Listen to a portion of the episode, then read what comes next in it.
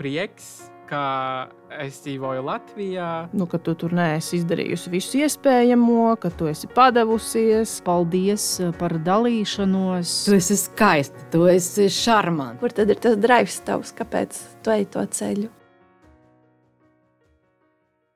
Sveiks, klausītāji! Šī audio stāstu sērija par cilvēku pieredzi, un to klausoties, tu iepazīsies ar piecu LTV ziņu dienesta rubrikas dzīvē nav melnraksta dalībnieku pieredžu stāstiem par saskarsmi ar auditorijas attieksmi pēc dalības. Pirmā stāsta varone ir Vita, kas sevi dēvē par diezgan universālu cilvēku, jo savu dzīvi nosaka pati. Vitas ikdiena ir piepildīta ar komunikācijas un izglītības konsultācijām un dažādības vadību. Paralēli abiem darbību virzieniem Vita aktualizē bezbērnotību, par ko ir raksta disertācijas darbu, un tā ir tēma, ar kuru Vita dalījās LTV ziņu dienesta veidotajā rubrikā Dzīvē nav melnraksta. Jāsaka, ka tā bija mana pašas iniciatīva, jo kaut kādā brīdī, neilgu laiku pēc tam, kad es izveidoju savu Instagram profilu dzīvi bez bērniem, es sapratu, ka man tikai ar Instagram nepietiek.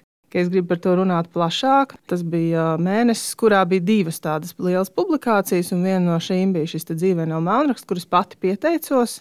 Man bija kaut kāds vēstījums, ko es zināju, ka es gribu pateikt, bet, protams, es jau līdz galam nezinu, kāds man uzdos jautājums. Un vienmēr, skatoties arī citus šos raidījumus, es saprotu, ka nu, kaut kas var tikt arī izgriezts, jo loģiski no stundas sarunas 15 minūtēs kaut kas tiek izgriezts. Un, laikam, nu, vienmēr tādas lielākās šaubas drīzāk ir par to, kā es izskatīšos un ko citi pēc tam par to teiks.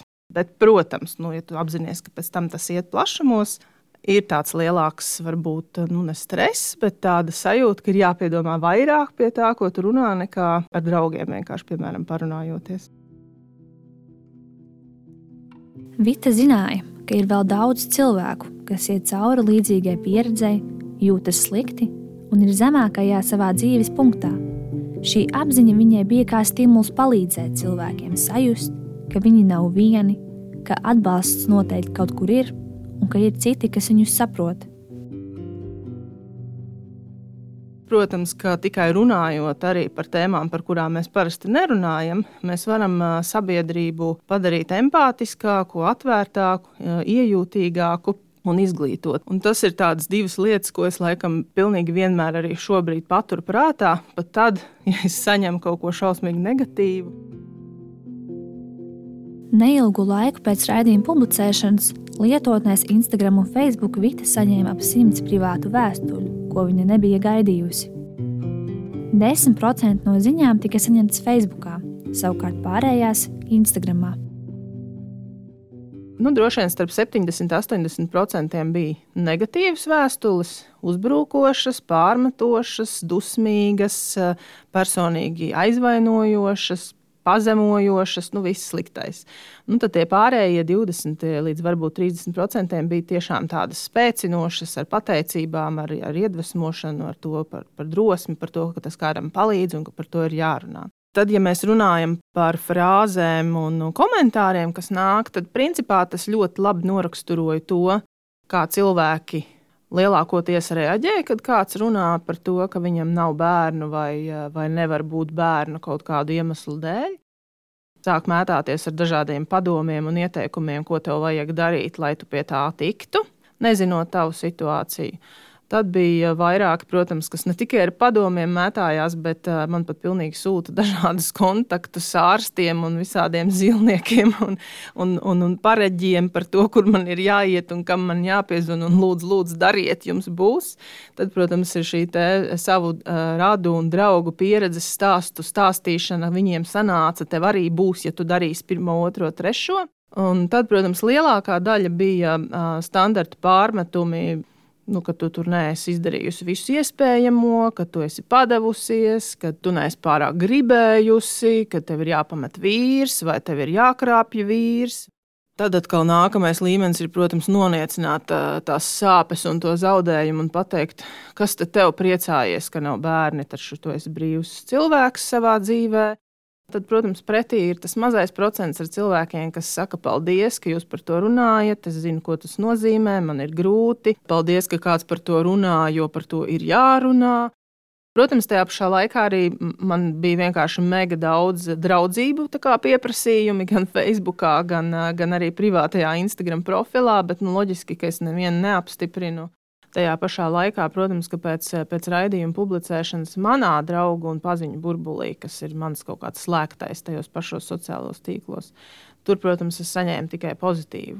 Nu, bija arī, protams, cilvēki, kas nesaprot un, un tā, bet, bet lielākoties cilvēki tiešām nezinu, apsveic ar drosmi, vai arī teica, ka viņi nekad nav pat nojautuši, ka es kaut kam tādam eju cauri, kaut gan mēs ikdienā esam strādājuši kopā vai draudzējušies, jo nu, viss ir ārēji izskatījies savādāk, un tas cilvēkiem ir tiešām licis aizdomāties, mēs nekad nezinām, ko otrs piedzīvo, pat ja ārēji viss izskatās perfekti. Tā kā šis raidījums tomēr ir publicēts interneta vidē, tad tur noteikti ir arī atšķirīgāka auditorija nekā, ja tas būtu radio vai televīzijā.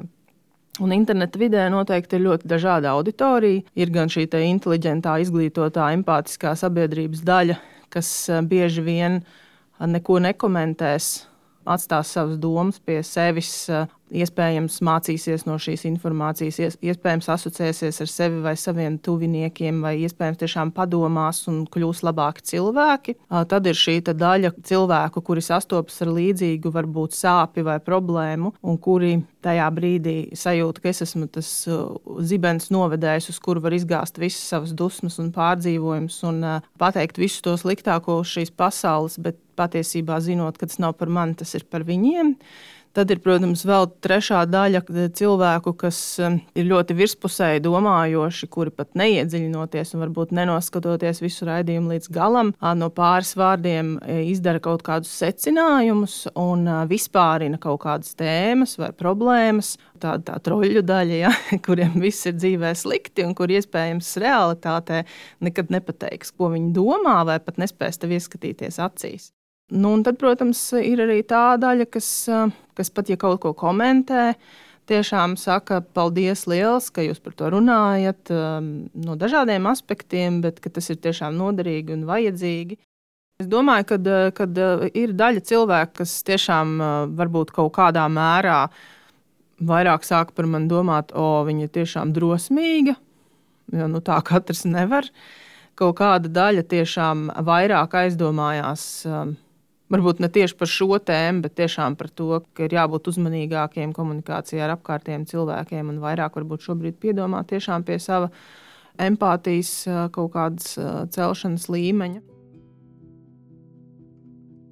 Vita uzskata, ka, ja tēma, kas tiek apspriesta publiski, ir nepopulāra, tā saņems vairāk negatīvu nekā pozitīvu atsauksmi no sabiedrības. Un jebkurš temats, kas tiek noklusēts, iedalīts tabū kategorijā, vai kuram ir daudz un dažādu argumentu un viedokļu, var ietekmēt auditoriju un tās uzvedību uz agresiju. Tā kā es pat esmu komunikācijā strādājis, es apzinos, ka var būt dažāds rezultāts. Tajā pašā laikā, protams, ka līdz tam es nebiju tik ļoti publiski gājusi kā es, kā Vita, un, un īpaši ar kaut kādu nu, nosacītu nevis labo ziņu, bet nu, varbūt tādu slikto ziņu vai kaut kādu tādu, tiešām tādu atklājumu, ne pārāk ērtu tēmu.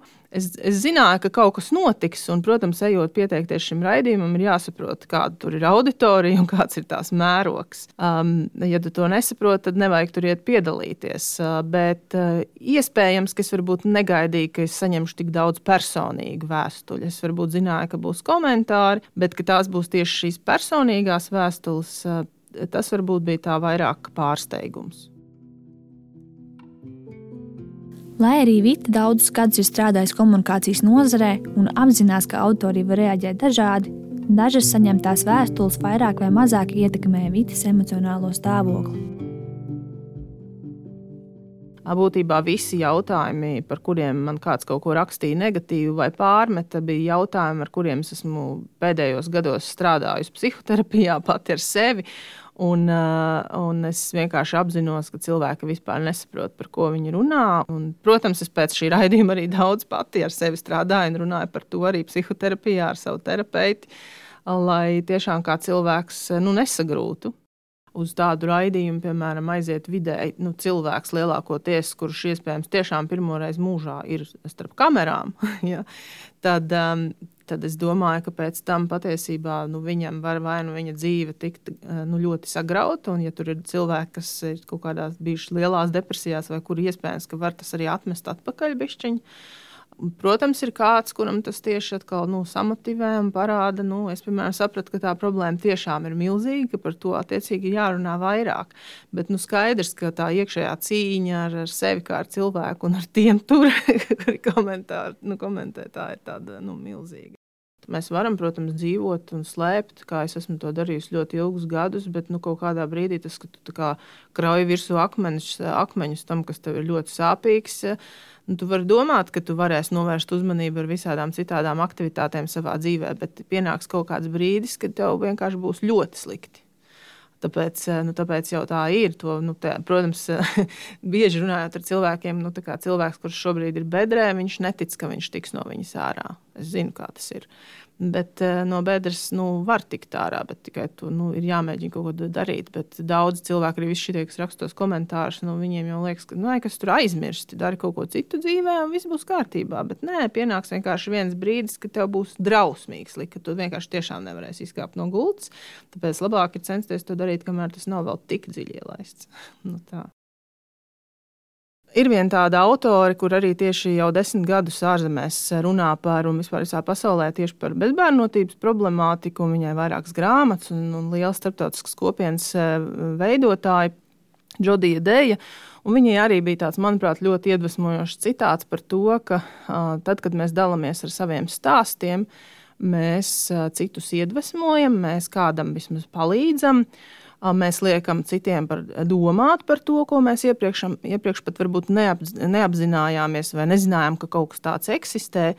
Un caur to mēs varam arī padarīt sabiedrību labāku. Un tāpēc man liekas, ka jo vairāk cilvēki stāsta tā, savus stāstus, kaut vai par vienu to pašu tēmu, bet nekad jau nebūs identiska situācija, jo vairāk nu, tie, kas gribēs, sadzirdēs un aizdomāsies. Tā kā tagad arī pēdējo gadu es tiešām pati ar to ļoti intensīvi nodarbojos, es, es saprotu, ka tas palīdz dzīvot. Jo tu vienkārši piefiksē dažādas lietas un tēmas. Jā, nevienmēr es viņas saprotu, nevienmēr man uzreiz liekas, ka jā, tas man ir pilnīgi pieņemams. Bet nu, kāpēc lai es kādu kritizētu vai kādam ieteiktu un mācītu dzīvot, izējot no saviem priekšstatiem un pieņēmumiem? Uh, vienkārši vienmēr padomājam, ka var būt arī savādāk. Mans tāds vēstījums, ko es daudz kur citur šobrīd arī saku, ir tas, ka mēs nekad nezinām, ar kādu bagāžu ir atnācis tas cilvēks, ko jūs tikko satikāt uz ielas vai pasākumā, vai vienalga ieraudzījāt interviju, izlasījāt par viņu rakstu. Jo tajā konkrētajā brīdī nu, jūs tiešām nevarat zināt visu pat ja liekas, ka jūs esat bijis pats vai redzējis līdzīgu situāciju, tā nekad nebūs identiska. Um, mums katram ir sava pieredze, uh, savs fons, uh, sava vide, no kuras mēs esam nākuši, uh, domas, attieksme. Un, uh, tajā brīdī, kad mums gribas kādam pateikt kaut kādu komentāru, uzdot jautājumu, izteikt pretīgu piezīmi, uh, vajadzētu vienkārši sevi apklusināt un mēģināt ieskatīties sevī un padomāt, kāpēc es tā gribu teikt, kur manī rodas šī vēlme izgāzt šīs emocijas, lai arī kādas viņas būtu. Un tad mēģināt saprast, kas ir tie aizspriedumi, kāpēc es nespēju paskatīties uz kaut kādu citu situāciju, uz citu rezultātu, uz citu iznākumu, uz citu pieeju dzīvei vai lietām. Uh, Un, attiecīgi, jo mēs biežāk tā skatāmies vispār savā ikdienā uz dažādām lietām, kas mums apkārt notiek, mēs spējam audzināt savu emocionālo inteligenci un atvērtību pret dažādību.